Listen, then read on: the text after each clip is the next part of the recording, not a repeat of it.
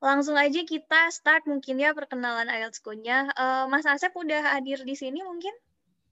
Halo, Mbak Devira. Halo, Mas. Oke, apa kabar Mas Asep? Alhamdulillah.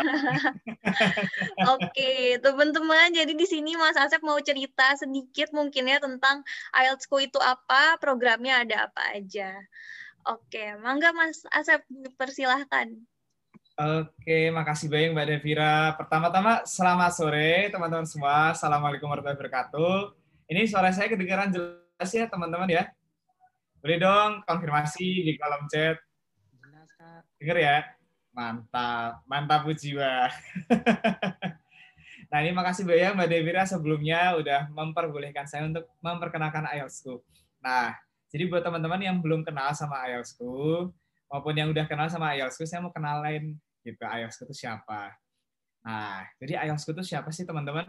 IELTS-ku itu adalah bimbel sosial gitu yang didirikan tahun 2020 kemarin pertengahan kemarin sih jadi kita bentar lagi mau anniversary satu tahun nih nah jadi tujuannya itu apa sih tujuannya itu kita mau istilahnya memberikan akses ya untuk teman-teman bisa belajar dan mempersiapkan diri ini untuk belajar di TOEFL, IELTS maupun persiapan untuk sekolah lanjut di luar negeri gitu. Soalnya kan kita ini ya udah zamannya kita ini pada sekolahnya bisa lanjut terus ya teman-teman ya. Nah, supaya masa depan kita makin shining, shimmering, splendid gitu. nah, jadi kalau ini kita juga istilahnya karena tadi kita bimbel sosial ya. Jadi kita memang tidak hanya merangkul uh, teman-teman semuanya, tapi kita pun juga merangkul yang membutuhkan gitu. Jadi kita juga memberikan beasiswa secara reguler jadi kita juga kemarin-kemarin uh, dari dari awal kita memberikan beasiswa dari yang merit base sampai need base. Jadi memang uh, untuk belajar IELTS gitu kan, untuk belajar TOEFL maupun juga istilahnya uh, kita ada dari difabel juga gitu. Nah, ada yang murid kita itu difabel, ada juga penerima beasiswa kita yang difabel. Jadi memang kalau di IELTS ini karena kita memang uh, istilahnya bimbel IELTS tapi memang basisnya sosial, jadi memang kita pertama dan sampai sekarang ini masih yang satu-satunya di Indonesia yang memang bimbel untuk belajar IELTS ini tapi memang basisnya sosial gitu teman-teman. Nah, jadi emang kalau di IELTSku itu teman-teman seperti namanya ya, jadi teman-teman bisa belajar IELTS, bisa belajar TOEFL gitu kan, maupun mentoring untuk persiapan ke luar negeri jadi paling terakhir itu ada yang mau ke ada yang keterima S3 di John Hopkins University dan kerennya lagi itu research project-nya akan didanai salah satunya oleh NASA teman-teman. Jadi memang mbaknya itu di Department of Civil Engineering jadi kayak aerospace gitu. Nah, jadi emang keren banget dan wanita juga. Jadi ternyata karir wanita di bidang STEM ataupun di bidang teknik itu juga sebenarnya sangat cemerlang banget teman-teman. Nah, terus yang kedua itu juga ada juga yang mau ke Ivy League juga ke Cornell. Jadi uh, ambil MBA, ambil bisnis gitu. Nah, jadi emang kita senang banget bahwasannya teman-teman itu nggak cuma belajar untuk TOEFL ataupun IELTS ya, tapi akhirnya ada tujuan jangka panjangnya kan. Nah, akhirnya bisa kecapaian juga untuk sekolah lanjut dengan beasiswa full gitu.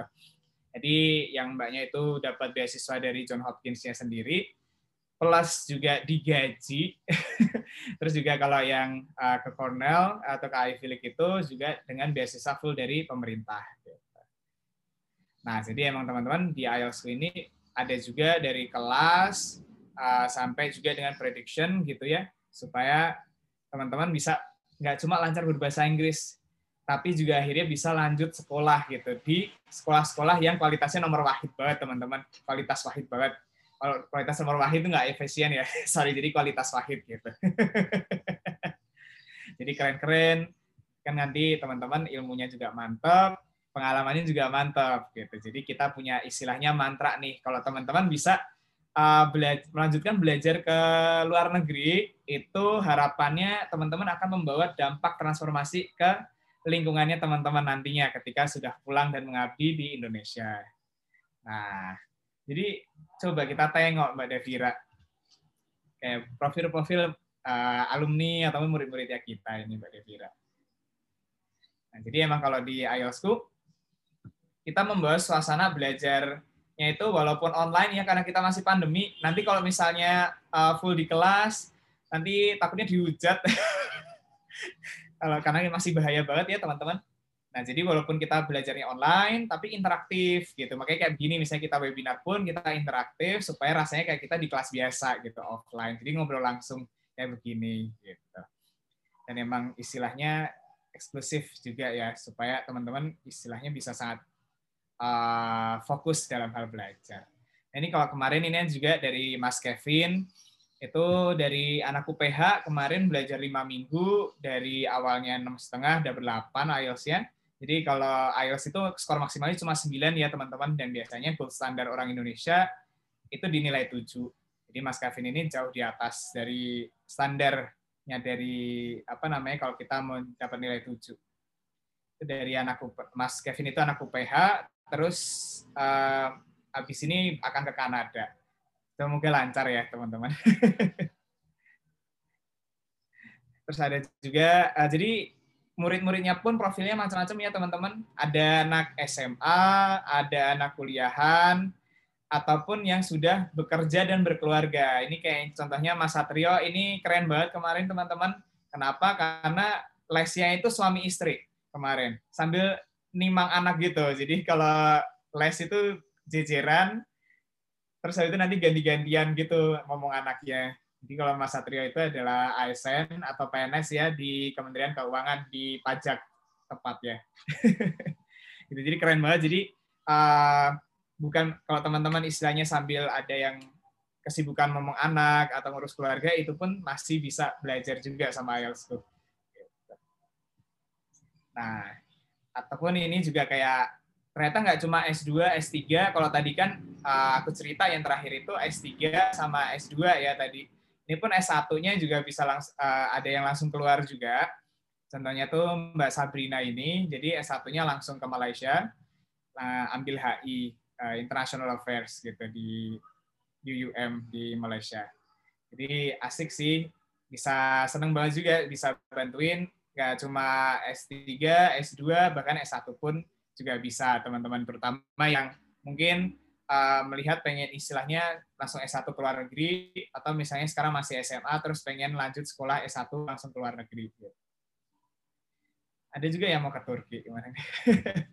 Jadi teman-teman istilahnya kalau untuk belajarnya sendiri itu ada yang dari kelas biasa ya kelas reguler kayak tadi yang semi eksklusif tadi semi private ada pun juga yang kelasnya full privat nih yang one on doang jadi satu murid, satu tutor gitu kan. Dan emang jadwalnya fleksibel gitu, jadi sesuai dengan kesibukan masing-masing, nanti tinggal janjian gitu. Terus ada juga makanya memang khusus ya intens sampai ke kelas intensif untuk mentoring persiapan S2 maupun S3 tadi. Tapi juga makanya S1 pun juga kita bantu teman-teman. Nah, jadi nggak usah khawatir. Jadi teman-teman belajar IELTS ataupun TOEFL itu untuk tujuan lanjutnya uh, misalnya terutama ya untuk lanjut sekolah pun akan kita bantu gitu dengan senang hati. Nah kita senang juga kan akhirnya belajar IELTS-nya langsung kepake juga gitu. Nah itu makanya ini ya teman-teman bisa sesuaikan. Jadi kalau misalnya mau yang reguler, mau kelas gitu bareng sama yang lain-lain, jadi misalnya pengen rame-rame gitu kan bisa, mau yang privat pun juga bisa. Gitu. Nah jadi kalau ada yang dari sebulan, tiga bulan, empat bulan, ada yang istilahnya tuh, eh ini sesuai dengan jumlah pertemuan, itu pun bisa bisa diatur. Jadi santai aja. Karena ada yang paket garansinya lagi gitu kan, supaya nilainya ini naik gitu. Coba terus ini apa namanya teman-teman kalau misalnya mau kepo-kepo nanti ya istilahnya mau tahu dulu kan istilahnya belajarnya kayak gimana dan ada apa aja nanti kita ada diskon khusus buat peserta webinarku itu dengan kode referralnya WIKI01 nanti bisa di redeem maksimal Senin 15 Maret 2021 jam 5 sore waktu Indonesia Barat jam 17. Nah, caranya gimana sih ngeridem kode promonya teman-teman? Nanti tinggal hubungi adminnya gue aja teman-teman. Nomornya cakep banget di 081 6666 998 jadi nomornya bagus banget ya. Uh, mudah dihafal banget. 081 64 kali 998 selesai. Itu harusnya kalau sebenarnya tiga kali sekalian ya. Jadi jadi 6969 belajarnya ini kayak kayak misalnya pakai zoom kayak begini jadi interaktif langsung pakai zoom premium. Jadi nggak ada batasannya waktu gitu. Enak. Jadi orang udah pada ini kan udah pada familiar soalnya kalau pakai zoom kan. Nah, jadi tinggal daftar di 0, nanti bisa kepo-kepo juga ke adminnya di 081 64 kali 998.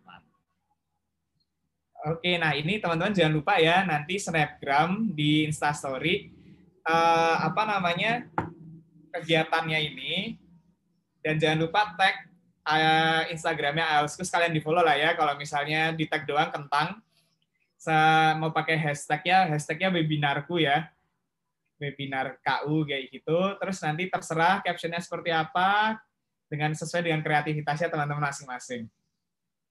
Nah, kita ini ya untuk hari ini menunya adalah kita menyiapkan diri untuk bagaimana sih caranya kita bisa menemukan ya program studi yang tepat untuk teman-teman untuk belajar di luar negeri. Nah, bersama Mbak Yuniasi Purwanti. Halo, selamat sore Mbak Yuni. Selamat sore. Uh, su suaranya kedengeran nggak ya? Kedengeran jelas sekali, Mbak. Oh, mohon maaf, ini pas lagi uh, lagi ceritanya lagi jalan-jalan. Jadi kalau lagi ada suara-suara dikit background, mohon maaf ya. Gak apa-apa. Ini kalau di sana udah malam ya, Mbak ya? Oh, iya. Ini live ya teman-teman, langsung dari Kobe, langsung dari Jepang ini. Oh, enggak, lagi di Tokyo. Oh, di Tokyo. Oh, di Tokyo. Oke. Okay. live dari Jepang. Jadi tetap dalam dari. Mohon maaf banget nih, lagi bener-bener lagi di Tokyo-nya, lagi di Shinjuku. Mohon maaf banget. Nah, ini halo Mbak Devira. Halo Mas, ya. Oke, jadi Uh, saya kembalikan lagi ke Mbak Devira kalau seperti itu. Terima kasih banyak teman-teman untuk sudah me, ini kenalan sama IELTSku. Saya kembalikan ke Mbak Devira. Oke. Oke, terima kasih banyak Mas Asep. Jadi itu ya teman-teman sedikit mungkin cerita tentang IELTSku itu apa dan teman-teman yang mau konsul tadi langsung aja boleh ke uh, uh, official account-nya IELTSku atau nomor yang tadi gitu. Di sini kita udah kehadiran Mbak Yuni. Halo Kak, apa kabarnya? Halo, selamat malam. Oh masih sore ya, selamat sore. Oh iya, di sana sudah malam ya. Di sini masih sore Kak. Ya, jadi teman-teman mungkin aku baca sedikit dulu tentang Mbak Yuni ini. Jadi uh, Mbak Yuni itu sekarang lagi pursue master degree-nya di jurusan Economic Development and Policy di Kobe University ini salah satu top university di Jepang loh guys dan pakai beasiswanya dari ADB gitu. Sebelumnya juga sempat kuliah di Mercu Buana University dan uh, Gajah Mada University di majoring in accounting gitu. Di sini juga ada organization experience-nya. Jadi Mbak Yodi ini selain di aktif di akademisnya gitu ya, tapi organisasinya juga tetap jalan gitu. Oke, mungkin Kak boleh diceritain dulu mungkin ya brief dari Kakak hmm. tentang uh, pengalaman Kakak, kenapa akhirnya Kakak daftar ke Kobe University and studying Economic Development and Policy, terus perjuangannya untuk mendapatkan ADB scholarship tuh gimana gitu kak? Mungkin oh. boleh diceritain okay. dulu kak. Uh, sebelumnya assalamualaikum warahmatullahi wabarakatuh. Uh, terima kasih kesempatan dari IELTSku dan juga teman-teman yang udah hadir di sini. Tema kali ini hmm, lumayan berat ya terkait dengan gimana sih cara mendapatkan uh, perfect study buat uh, sekolah di luar negeri gitu ya. Terus kayak tiba-tiba jadi terpikir kok kayaknya proses yang telah saya jalani itu eh, nggak uh, perfect, nggak sempurna gitu. dan nggak nggak langsung benar-benar dapat beasiswa juga. Jadi hmm, sebenarnya uh, ini cerita dulu ya sedikit bercerita. uh, jadi saya pernah sekolah di Korea tahun 2013 sampai 14. Saya dulu sekolah akuntansi dan kayak buat saya itu adalah hmm, hal yang membuat saya sekolah ke Korea saat itu salah satunya karena K-pop. Mungkin di teman-teman di sini juga ada yang K-popers. Uh, terus kayak ah saya harus kuliah ke Korea. Saya mau uh, kayak apa sih Korea karena saya salah satunya karena K-pop. Dan kayak saat itu uh, saya dapat beasiswa dari beasiswa profesor, uh, tapi jumlahnya tidak sebesar beasiswa KGSP, kurang lebihnya setengahnya. Terus pas saya mau berangkat, uh, saya pastiin dulu apakah kuliahnya itu pakai bahasa Inggris atau bahasa bahasa Korea. Uh, dari akademiknya itu ngasih tahu kalau kuliahnya uh, pakai bahasa Inggris. Tapi ternyata ketika saya sampai ke Korea, uh, kuliahnya pakai bahasa Korea. Dan itu kayak saya saat itu merasakan bahwa oke, okay, sepertinya ini adalah suatu kesalahan kayak uh, saya di posisi kayak ini mau diteruskan atau gimana? Akhirnya saya memutuskan ya udahlah teruskan. Uh, udah kepalang tanggung toh juga di Korea bisa jalan-jalan. Tapi uh, saya kalau mau ditanya jujur um, itu benar-benar kayak nggak dapet apa-apa. Karena kuliahnya pakai bahasa Korea walaupun itu belajar akuntansi saya nggak mudeng itu ngomong apa jadi intinya cuman yang penting lulus nah Eh, dan itu juga ada rasa karena teman-teman saya udah dapat beasiswa jadi kayak semacam ya udah karena teman-teman saya udah sekolah ke luar negeri pada dapat beasiswa saya dapat ke Korea saya suka K-pop uh, ya udah saya ambil. Sampai akhirnya lulus selesai saya kembali ke Indonesia tapi saya merasa enggak puas karena kayak saya tuh nggak dapet ilmunya sama sekali saya nggak saya cuma sebatas kayak ya udah yang penting saya lulus akhirnya saya uh, daftar beberapa sekolah. Saya sempat daftar ke ITB ngambil program master uh, teknik industri. Terus saya sempat daftar juga ke ITB ngambil aktuaria. Padahal saat itu saya sudah bekerja sebagai auditor. Nyampe setiap kali saya daftar sekolah, saya dapat uh, beasiswa walaupun parsial baik itu di Indonesia maupun di luar Indonesia. Bos saya tuh selalu nanya, hmm, kamu sebenarnya mau kuliah tuh buat apa sih? Tujuan kamu kuliah itu apa sih? terus kayak kamu nanti setelah kuliah itu mau ngapain sih? Kok kayaknya kuliahnya itu cuman asal ngambil eh, program studi asal ngambil beasiswa terus nanti tuh tujuannya apa? Di situ tuh saya mulai berpikir kayak kok saya daftar ke aktuaria? Kok saya daftar ke teknik industri? Sementara background pendidikan saya akuntansi saya bekerja jadi auditor. Kayak saya mulai memikirkan kayak saya tuh sebenarnya mau ke mana setelah kuliah emang saya sudah ngambil jurusan yang benar dengan uh, daftar ke program ini. Tuh saya nyampe tahun 2016 itu benar-benar asal banget mencari jalan buat bisa sekolah lagi ke luar negeri dengan beasiswa walaupun itu nggak bidang yang saya inginkan. Yang penting saat itu pikirannya biar saya bisa sekolah ke luar negeri lagi. Karena saya merasa tidak puas dengan sekolah saya di Korea. Tapi setelah mendengarkan uh, apa yang uh, bos saya tanyakan, apa yang beliau ungkapkan dengan perjuangan saya mendaftar sekolah ke sana kemari, saya benar-benar mulai berpikir uh, sebenarnya setelah lulus sekolah, setelah S2, saya tuh mau ngapain sih? Saya mau bekerja, saya mau jadi dosen, terus kayak apakah bidang ini itu benar-benar yang saya suka? Apakah nanti bidang ini itu bisa saya pakai ke dunia kerja? Saya tuh mau ngapain? Akhirnya saya di 2016 itu berhenti. Saya nggak mendaftar uh, sekolah ataupun beasiswa dengan asal-asalan. Saya mulai memikirkan uh, saya mau ke mana? Saya mau mendaftar beasiswa apa? Saya mau sekolah apa dan mau ngapain? Uh, saya mulai menemukan bahwa saya ingin belajar ekonomi. Terus saya mem, uh, mulai mempersempit uh, saya ingin daftar ke Jepang salah satunya karena eh, Jepang itu banyak perusahaan yang saling bekerja sama antara Jepang sama Indonesia. Terus kayak eh, dari kualitas pendidikannya Jepang juga cukup bagus. Kemudian menurut saya akan lebih aplikatif karena eh, ya itu tadi banyak kerjasama lah antara perusahaan Jepang sama yang ada di Indonesia tuh banyak. Jadi ketika saya pulang ke Indonesia, uh, ya sekali enggak saya benar-benar bisa mengaplikasikannya Jadinya saya mempersempit uh, ekonomi dan tujuan saya ke Jepang. Dan karena uh, saya sudah punya pengalaman kerja, da, jadi saya mempersempit lagi beasiswa apa sih yang mau saya daftar. Akhirnya saya menemukan uh, beasiswa Asian Development Bank karena salah satu persyaratan beasiswa ini adalah punya pengalaman kerja dua tahun. Terus uh, saya mulai mendaftar beasiswa ini tuh tahun 2018. Saya daftar di uh, Kyoto University. Saya ngambil uh, di sana, tapi ya saat itu pertama kali percobaan belum keterima beasiswanya tahun 2000 2018 itu. Uh, jadi secara IELTS saya IELTS-nya saat itu pas-pasan. Terus dari esai saya juga pas-pasan, enggak bagus. Kemudian dari universitas ya saya lulusan D3 Ekonomi UGM, terus lanjut ke Mercu Buana. Jadi kayak semacam uh, ya enggak apa sih yang lebihnya dari saya tuh benar-benar enggak ada saat itu.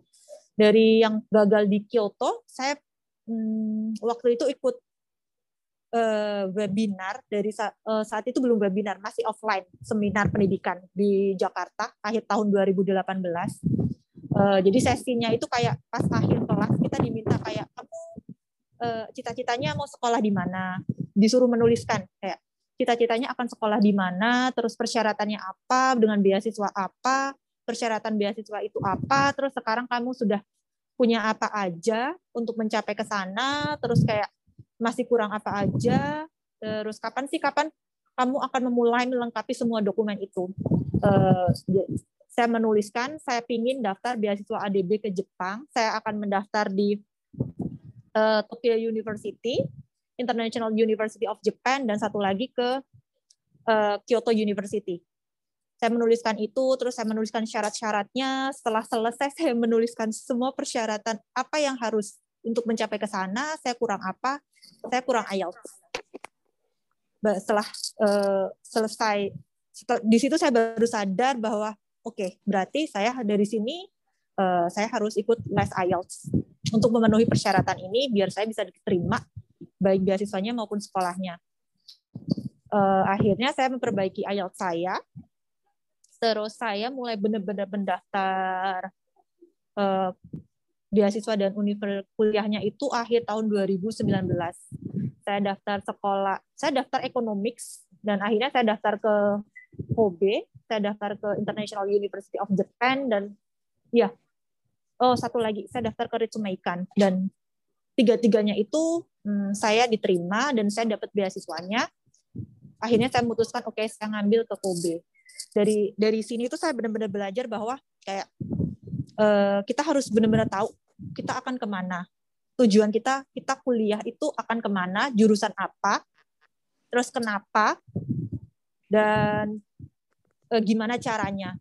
Kalau dalam kasus saya e, saya kenapa ngambil ekonomi? Karena saya pingin e, menurut saya kayak hmm, kalau ekonomi saya akan lebih aplikatif. E, baik entah itu oh, saya akan mengajar entah itu akan saya gunakan untuk e, misalkan menjadi peneliti daripada saya uh, sebagai auditor uh, belajar akuntansi. Terus saya berencana untuk menjadi dosen, saya ingin S3, jadi saya kemudian uh, ke saya milih ke Jepang ya karena tadi Jepang banyak kerjasama dengan Indonesia. Terus saya uh, karena saya tahu ya, saya sadar diri bahwa saya tuh bahasa Inggrisnya nggak bagus dan profesor saya tuh pas saya cari profesor uh, untuk sekolah ke Jepang, beliau tuh komentar, hmm, your English is bad.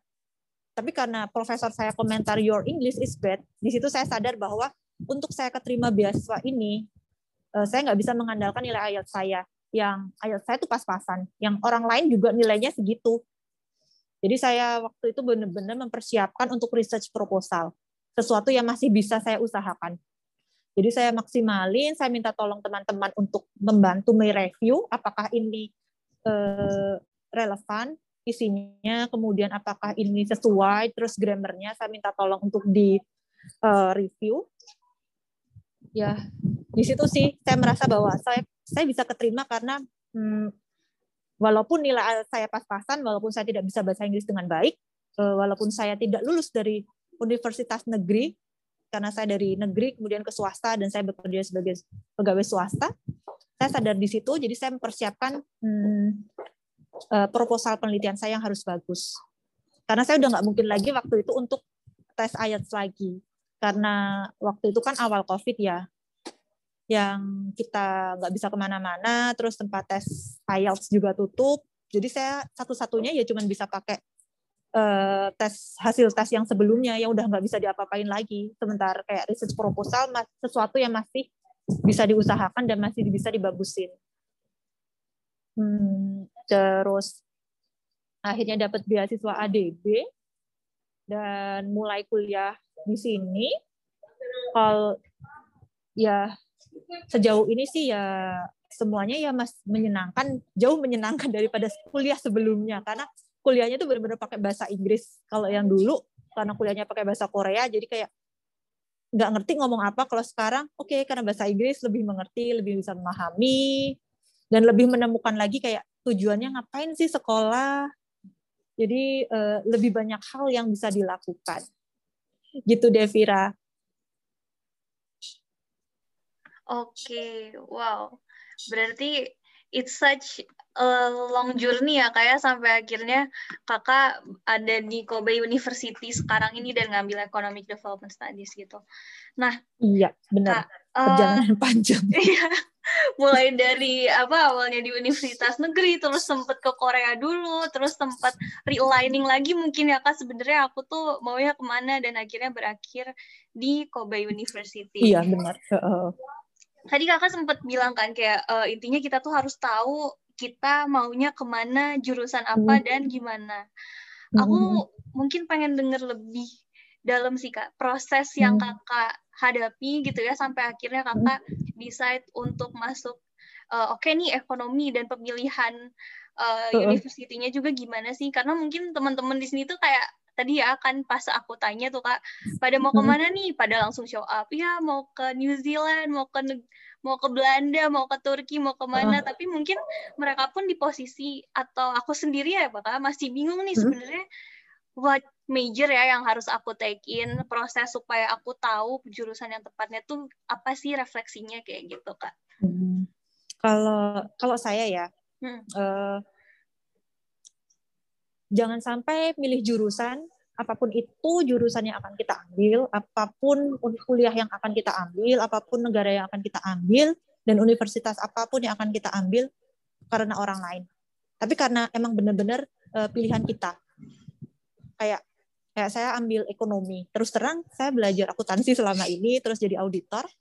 Kayak ada fase di mana merasa kok kayaknya uh, akuntansi kapitalis ya, karena ngurusinnya uang dan perusahaan. Hmm. Kok kayaknya kurang uh, kurang aplikatif untuk kehidupan masyarakat. Dan goalnya yang pengen banget saya lakuin adalah saya pengen jadi dosen. Jadi di saat itu benar-benar kayak dari 2016 sampai 2018 itu benar-benar kayak mematangkan akan ke mana sih gitu. Akhirnya benar-benar menemukan ada titik kayak oh nggak bisa kalau selamanya belajar akuntansi dan uh, misalkan kayak kuliah lagi S2-nya akuntansi terus balik lagi jadi auditor dengan ritme kerja yang begini tuh nggak bisa. Jadi kayak yang udah benar-benar di titik kok kapitalis? gitu. Akhirnya kayak pengen tetap belajar di line yang sama biar tetap masih yang satu uh, masih aduh bahasanya lupa lagi kayak yang masih linear. Mm-hmm. nah akhirnya oke okay, ekonomi. Dan kayak emang dari dulu ketika kuliah di Korea itu mulai tertarik ekonomi. Karena uh, ingin benar-benar bisa mengaplikasikan untuk nggak cuma buat ya diri sendiri nggak cuma buat perusahaan tapi bisa buat masyarakat. Terus di, untuk ke depannya kalau bisa bekerja dengan pemerintah untuk membuat ngedevelop policy cita-citanya sih di titik itu gitu ya. Akhirnya benar-benar oke okay, ekonomi. Dan kenapa ke Kobe? Karena dari semua universitas yang ada di Jepang yang bekerja sama dengan ADB itu yang benar-benar development and policy itu cuma ada di Kobe. Kalau kayak uh, universitas yang lain memang ada ekonomi, tapi kayak masih yang hmm, ekonominya itu masih yang secara luas, nggak yang benar-benar spesifik. Tapi ya ini sih buat teman-teman ya yang mau sekolah ke luar negeri, pokoknya jangan sampai gara-gara temennya udah keterima beasiswa ke misalkan ke Belanda. Terus padahal kita tuh nggak suka ke Belanda. Kayak bukan dan majornya tuh nggak sesuai. Tapi kayak ah dia udah ke Belanda harus ikut ke Belanda. Jangan sampai gitu. Jangan sampai juga karena kayak misalkan kita punya pacar terus pacarnya ke Belanda ikut-ikut pacarnya. Jangan sampai gitu. Taunya putus ya Pokoknya, di Belanda. Nah benar. Gitu. Pokoknya jangan jangan sampai karena orang lain tapi benar-benar karena diri sendiri. Karena memang maunya ke sana itu oke Oke, jadi balik lagi ke diri sendiri. Tapi tadi menarik sih tentang kakak akhirnya uh, kenapa akhirnya nggak milih accountant karena merasa accountant itu kapitalis. Aku ya, tuh lihat, di, mohon maaf ya kalau di sini ada banyak anak akuntansi, tapi itu benar mulai menemukan ketika udah kerja jadi auditor dengan hmm. banyak hal yang terjadi sebagai auditor gitu ya, kayak lama-lama tuh di titik kayak hmm, nggak deh, ini nggak gini jalannya. kayak banyak mulai banyak yang bertentangan gitu, nggak nggak semakin mantap dengan ekonomi. Oke, berarti itu tentang mikirin ini juga kali ya kak. Berarti pertimbangannya adalah tentang diri sendiri tuh mau kontribut di sosial impact yang gimana sih gitu. Mm-hmm.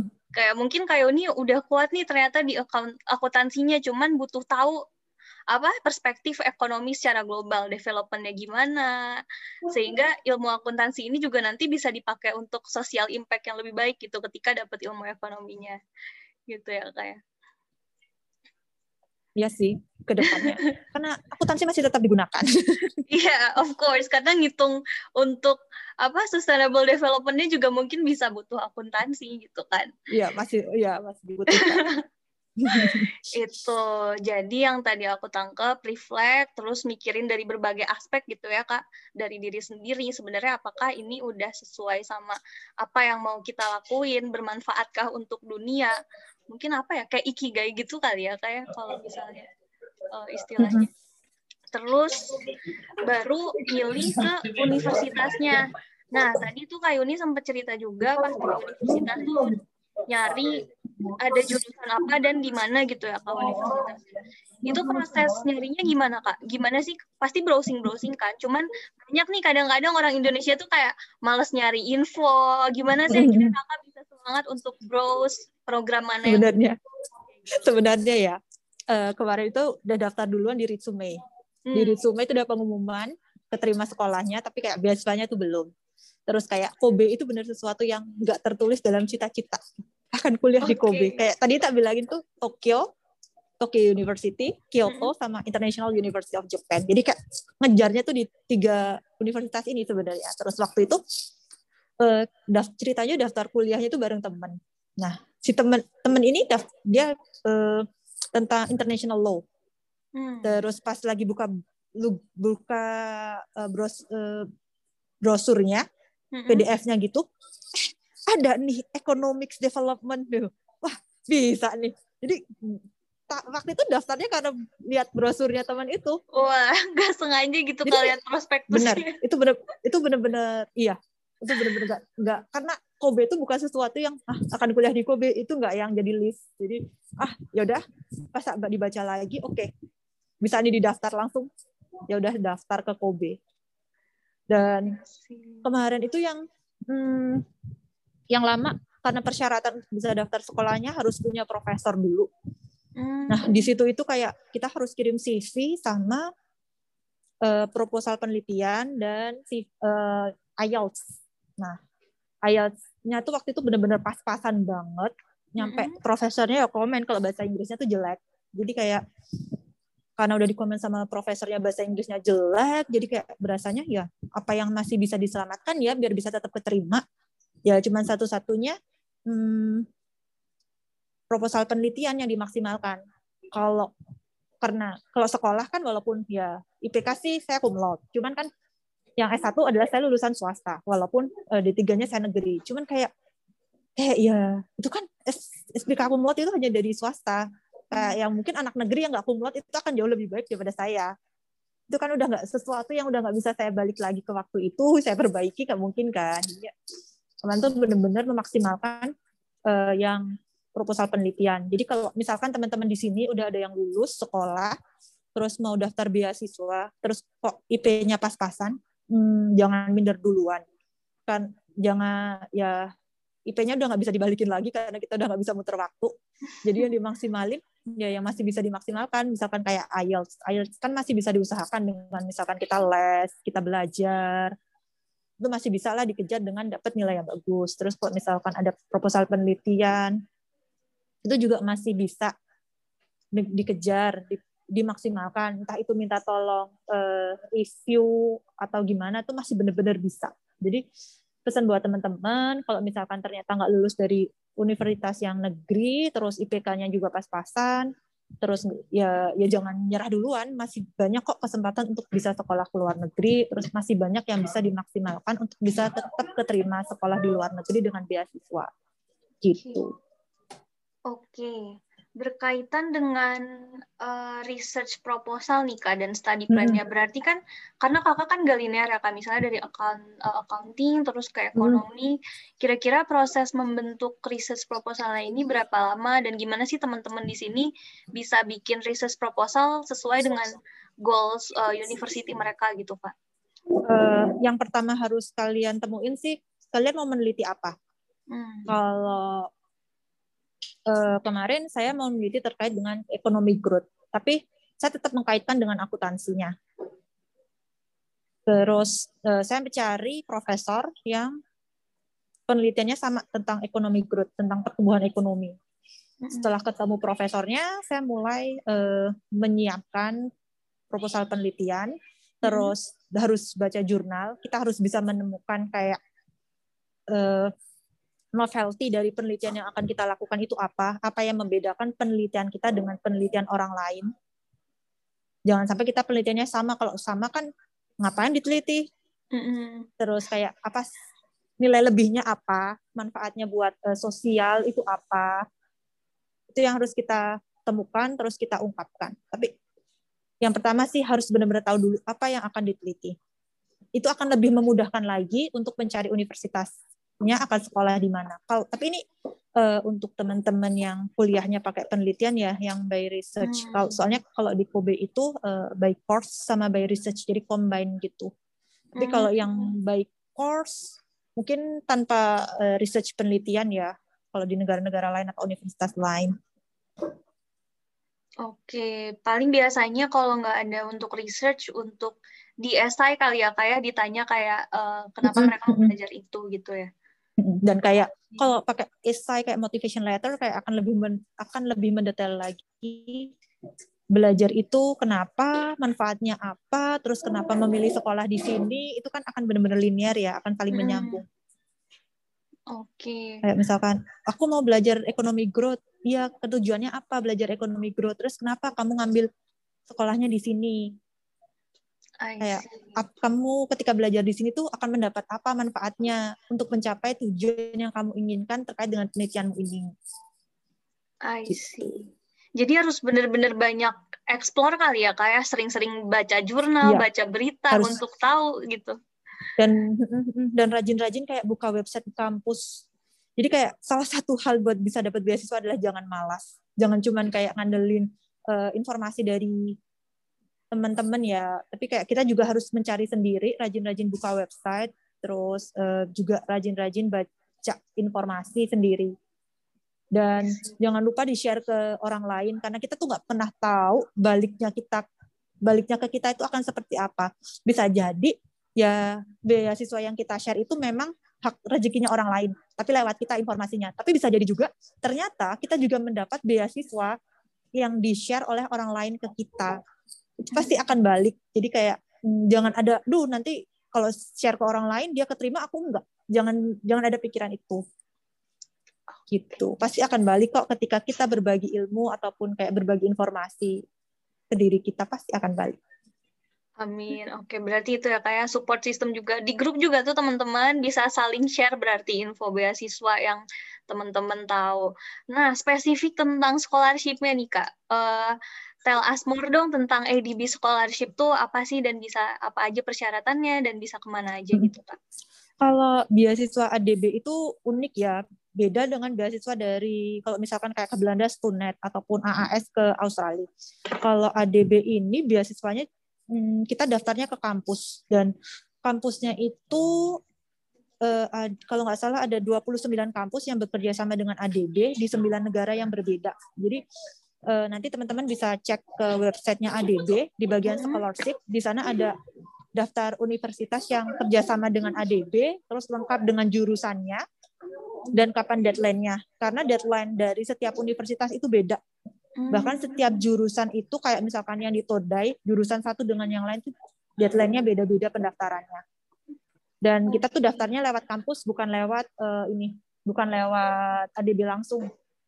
Oh, okay. jadi kayak Berarti, bener, um cek dulu di website ADB kapan deadline-nya. Terus kalau udah baca deadline-nya bisa dicek lagi ke website kampusnya. Terus jauh-jauh hari bis kalau udah menemukan akan daftar di mana bisa mulai tanya ke kampusnya minta informasi hmm. dan yang perlu diingat eh, beasiswa ADB ini ada persyaratan udah kerja dua tahun tapi ada juga special case kayak dia pernah ada salah satu teman yang keterima jadi dia pernah eh, jadi research assistant di kampus hmm. selama dua tahun dan itu bisa dipakai sebagai pengalaman pernah bekerjanya. Hmm, okay. Dan beasiswa ADB ini juga mengcover semuanya ya dari pesawat, terus uh, ada uang penelitian, uang buku, uang uh, bulanan, biaya kuliahnya.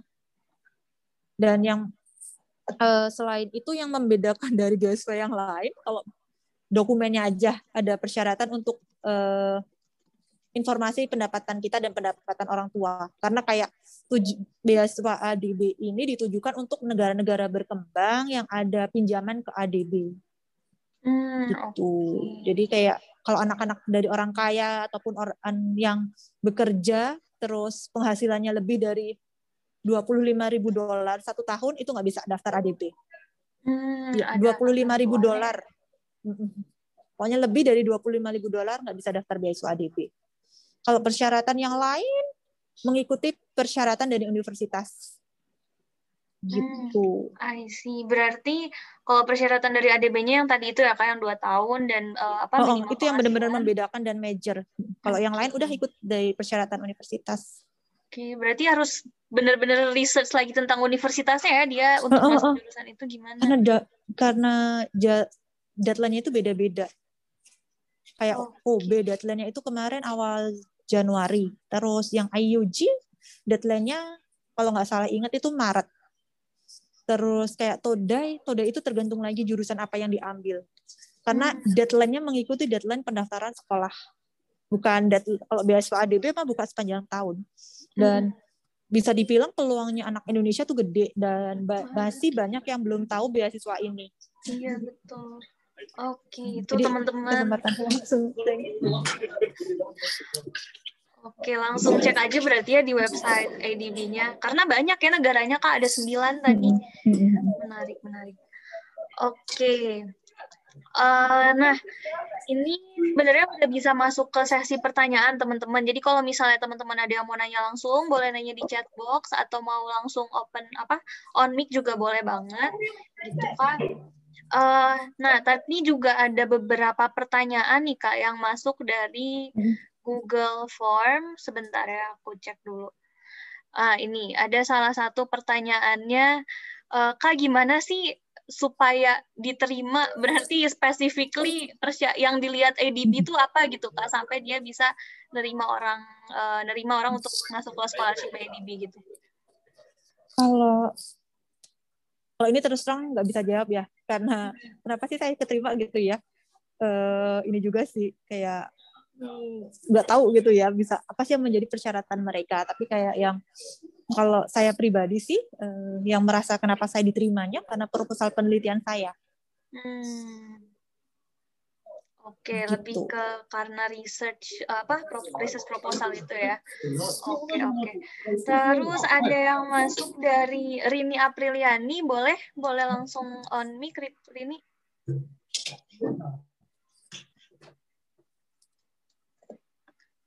Kak izin bertanya. Uh, mengenai kan tadi kan ada proposal gitu kak. Aku mau nanya uh, apa sih kak bahan-bahan kayak untuk proposal itu sendiri itu terdiri dari apa aja gitu kak? Dari proposal itu sendiri. Terima kasih. Oke. Okay. uh, boleh langsung dijawab? Boleh kak.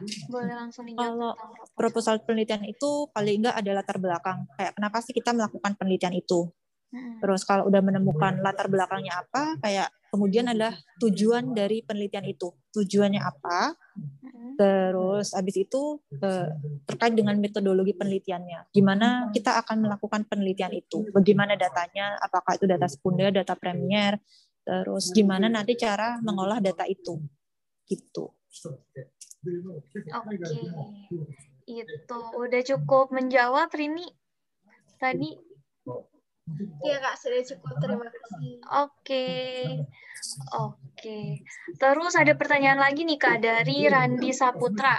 Kak, jika ingin melanjutkan studi di luar negeri, apakah harus lulusan S1? Kalau D4, kira-kira bisa nggak ya mendapatkan beasiswa di luar negeri gitu, Pak? Oh, bisa kok D4. D4, kan D4 bisa ya? setara dengan S1. Banyak kok temen yang D4 yang dari eh, terus dia sekolah ke Jepang, terus ataupun ke negara lain. Karena persyaratannya kan 16 tahun pernah kuliah, pernah sekolah 16 tahun. Kalau D4 kan sudah D4 paling nggak D4 kan 4 tahun ya. Terus Hmm. sementara kita kuliah SD-nya sampai SMA udah 12. 12 tambah 4 udah 16 kan? Mm-mm. I see. Berarti dipertimbangkannya dari waktu studinya juga ya. Berarti bisa tuh karena D4 itu setara S1 ya, Randi.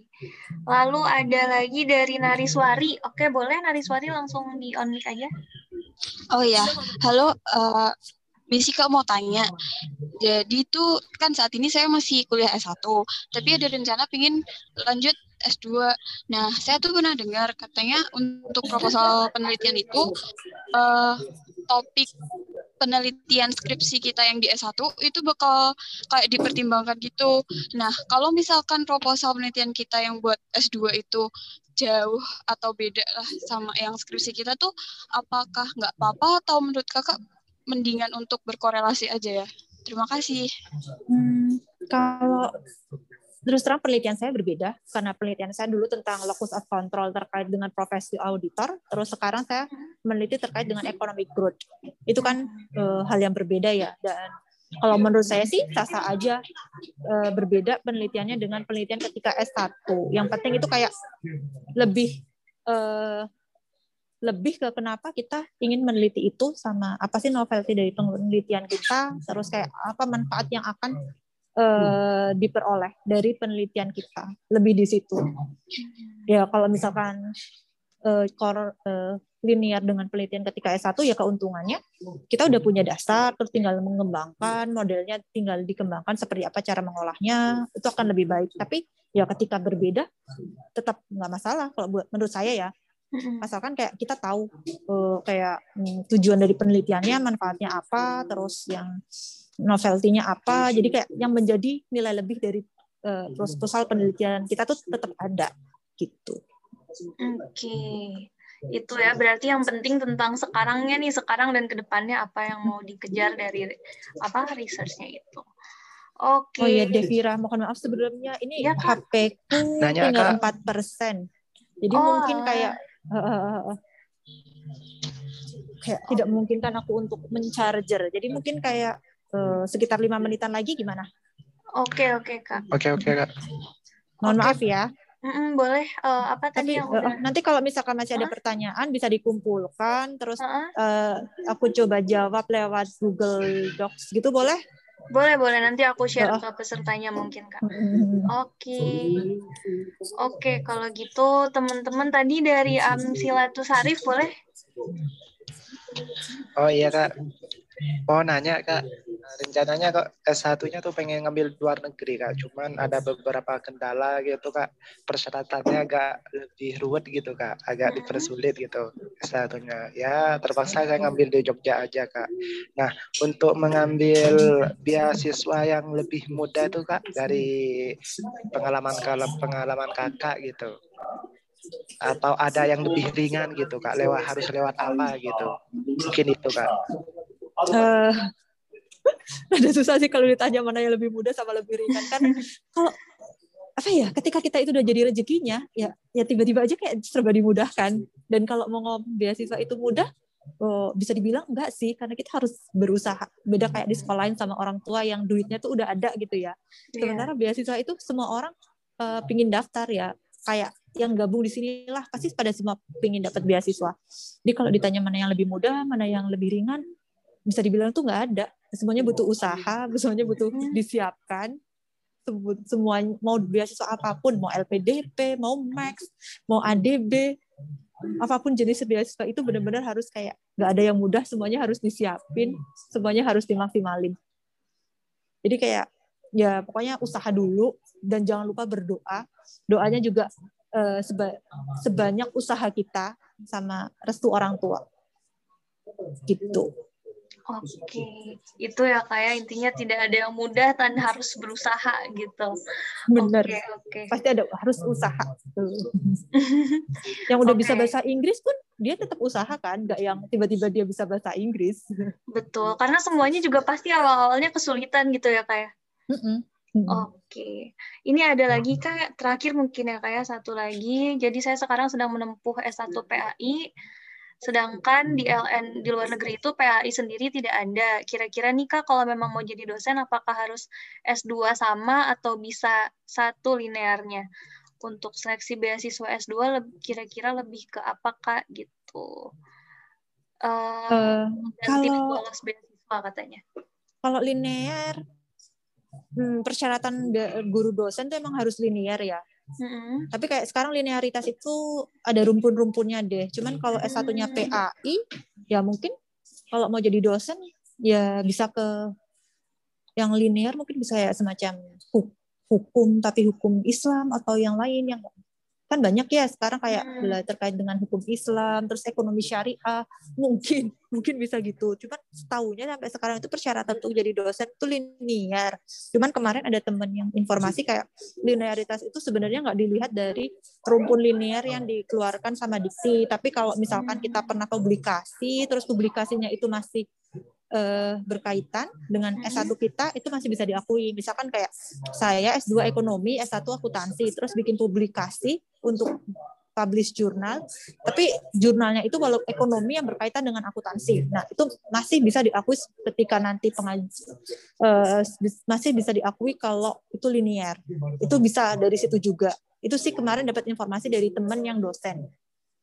Gitu. Tapi kalau misalkan PAI hmm, bisa dicek lagi. Kayaknya sekarang semakin berkembang kok kalau PA, PAI nggak yang nggak benar-benar ngajar agama Islam kayak ya yang dipandangannya kan kalau uh, masih bisa entah ke hukum Islam atau hukum syariah Islam, ekonomi Islam, banyaklah kesempatannya. I see. Oke kak, kalau gitu. Oke kak, kalau gitu sama tadi tips beasiswa kak, kalau masih sempat uh, untuk uh, tips beasiswanya uh, apa ya? Oh, ini uh, pasti kalian tahulah yang namanya Jerome Pauline ya ada hmm. satu yang kayak saya suka banget dari uh, quote dia kayak yang kalau nggak salah dia pernah ngomong kayak privilege is matter but effort is important atau apa gitu yang kayak intinya kayak ya privilege itu emang penting tapi kayak usaha kita tuh lebih penting kayak ya kalian dari universitas yang bagus itu nilai lebih. Kalian punya IPK kumlot itu nilai lebih. Tapi usaha kita itu juga uh, penting usaha untuk mendapatkan beasiswa itu. Karena walaupun kalian lulus dari universitas bagus IPK bagus kalau kalian nggak pernah berusaha mendaftar beasiswa nggak pernah mencoba untuk tes IELTS ya kalian nggak bisa ke mana-mana kan. Dan buat kalian yang nggak dari universitas bagus ya kalian nggak punya privilege itu kayak saya saya nggak lulus dari universitas negeri semuanya saya nggak kerja sama pemerintah saya nggak punya privilege apa pun dan saya menyadari itu ketika saya daftar beasiswa. Jadi yang masih bisa saya usahakan ya dulu les IELTS, hmm. terus saya maksimalkan uh, di proposal penelitian yang sekiranya bisa menjadi nilai lebih saya kenapa saya bisa diterima di beasiswa itu. Terus jangan lupa juga doa karena saya percaya banget bahwa nggak ada yang bisa mengalahkan doa. Oke okay, betul. Gitu okay. dan dan satu lagi kalau misalkan kita harus sadar kemampuan kita kalau misalkan kita nggak nggak smart karena saya saya nggak smart hmm. jadi saya harus belajar kalau orang lain satu kali belajar langsung mudeng. Saya satu kali belajar enggak mudeng ya saya harus mau belajar berkali-kali biar saya bisa mudeng dan saya bisa bersaing dengan orang lain. Gitu. Jadi buat siapa pun di sini jangan nyerah duluan. Kalau uh, kalian masih tetap bisa sekolah ke luar negeri asalkan kalian mau mengusahakan. Nggak cuma ke luar negeri kok dalam negeri dengan beasiswa asalkan kalian mau usaha, kalian mau berdoa pasti bisa. Gitu. I see. Oh my god. Oke, okay, that was really inspiring Kak. Terima kasih banyak. Oke, okay. oke. Okay. Sebenarnya masih ada beberapa pertanyaan ya teman-teman. Cuman aku khawatirnya nanti agak kepotong gitu. Nanti pertanyaan teman-teman bakal direkap sama panitia dan nanti bakal dijawabin di grupnya gitu. Eh, mohon maaf banget ya. It's okay kak. Tapi kakak masih bisa ada kesempatan untuk on kamera nggak ya kak? Buat foto. Coba. Gitu. Kalau tiba-tiba mati ya mohon apa? Oke, okay, we'll prepare. Oke okay, teman-teman mungkin okay. bisa pada on kamera dulu buat kita apa foto bareng dulu sama Kak Yuni nih mumpung ya ini fotonya ceritanya kayunya lagi di Jepang guys. Jadi kita foto sama orang yang lagi di Jepang gitu. Oke okay, sip. Oke okay, udah pada mulai on cam ini semuanya. Oke. Okay. nanti aku hitung di hitungan ketiga ya guys. Oke. Okay. satu dua tiga Oke, slide selanjutnya satu dua. Terima kasih ya, mohon maaf kalau ada. Iya, ya. terima kasih banyak kak, arigato gozaimasu. Oke, sudah menghilang guys kayuninya. Aduh, I'm so sorry ya. Nanti kita uh, bakal follow up pertanyaan teman-teman.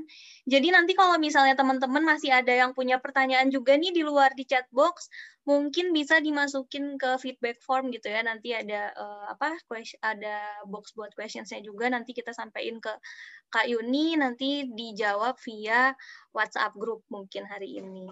Gitu teman-teman. Itu mungkin cerita sedikit dari Kak Yuni tadi inspiring ya guys. Pokoknya tentang ngambil program di luar negeri yang aku tangkap sih tadi soal apa namanya kita harus tahu dulu apa yang kita mau. Kita harus tahu ini tuh arahnya ke mana tujuannya apa baru kita stay tuh gimana caranya untuk apa untuk ngedapetin apa yang kita mau itu